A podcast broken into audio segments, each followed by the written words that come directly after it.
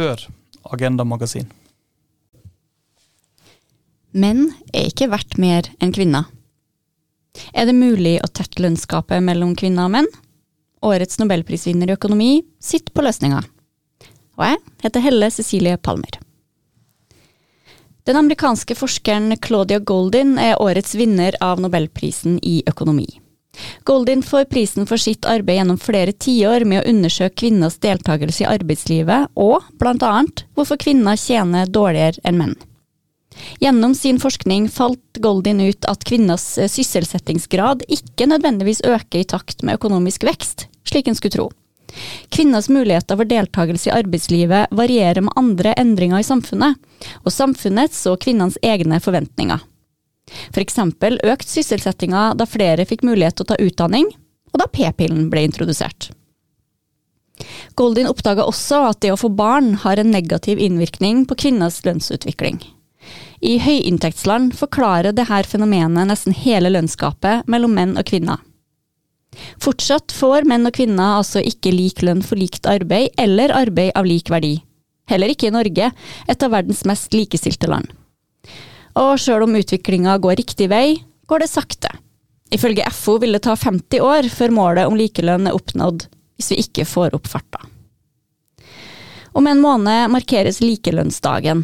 Det er den dagen da menn har tjent like mye som kvinner gjør på et helt år.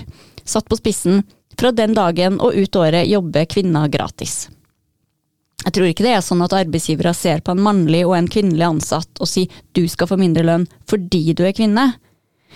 Det er heller ikke sånn at kvinner velger dårlige betalte yrker enn menn fordi yrkene er dårlig betalt.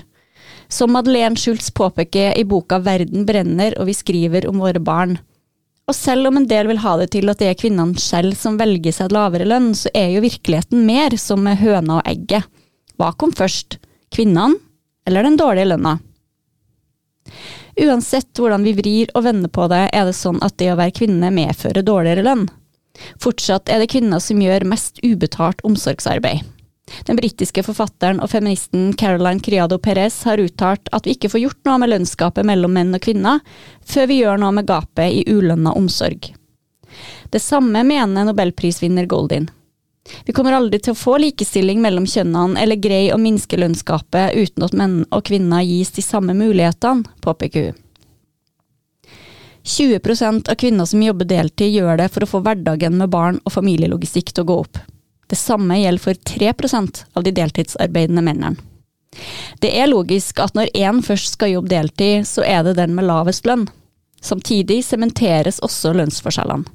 Vi kan ikke avfeie det her som kvinners frie valg. Som Schultz bok viser, forbinder vi omsorg med noe kvinnelig, og dermed blir også omsorgen, både den lønna og den ulønna, nedvurdert. Kvinners ulønna omsorgsarbeid blir ikke anerkjent, og det lønna omsorgsarbeidet er ikke godt nok betalt. Det er altså ikke det at kvinner ikke jobber. Som Caroline Criado Perez skriver i boka Usynlige kvinner, det finnes ikke noe slikt som en ikke-arbeidende kvinne. Det finnes bare kvinner som ikke lønnes for sitt arbeid. Mange deltidsarbeidende kvinner velger altså bort betalt jobb for å gjøre ubetalt hus- og omsorgsarbeid. De har ikke bare lavere lønn fordi de jobber mindre, de har også dårligere betalt per time enn heltidsarbeidende. Det å være til stede på arbeidsplassen synes å ha noe å si. Nylig kunne vi lese i Aftenposten at menn på hjemmekontor taper lønnsmessig i forhold til menn som er fysisk til stede på jobben. De som har forska på dette, mener at arbeidsgivere belønner tilstedeværelse, sjøl om det ikke er en betingelse i arbeidskontrakten. Kanskje kan det forklare hvorfor kvinner sakker akterut på lønnsfronten etter at de har fått barn. Foreldrepermisjon, for noen toppa med ulønna permisjon, sykt barndager og planleggingsdager i barnehagen, stjeler tid fra jobben. Da er det interessant at en annen undersøkelse viser at menn på hjemmekontor bidrar mer på hjemmebane. Da landet stengte ned under koronapandemien, viste det seg at fordeling av husarbeid ble mer likestilt, fordi mennene var hjem. Det er ikke nødvendigvis sånn at menn på hjemmekontor får lønnsgapet til å krympe. Det er noen grunnleggende samfunnsstrukturer som må endres, og holdninger til både kvinner og omsorg. Men vi har tross alt kommet et godt stykke på vei. Claudia Goldin er den tredje kvinna som tildeles nobelprisen i økonomi, og den første som ikke deler den med noen mann. At en kvinne som forsker på kvinnenes deltakelse får prisen, må vel sies å være et framskritt, og på høy tid. Goldin har ikke bare gjort vesentlige funn om kvinner i arbeidslivet, hun har måttet forholde seg til manglende data, fordi kvinner ikke ble telt med i de historiske arkivene hun undersøkte. Slik sett har årets nobelpris i økonomi bidratt til å gjøre kvinner litt mindre usynlig.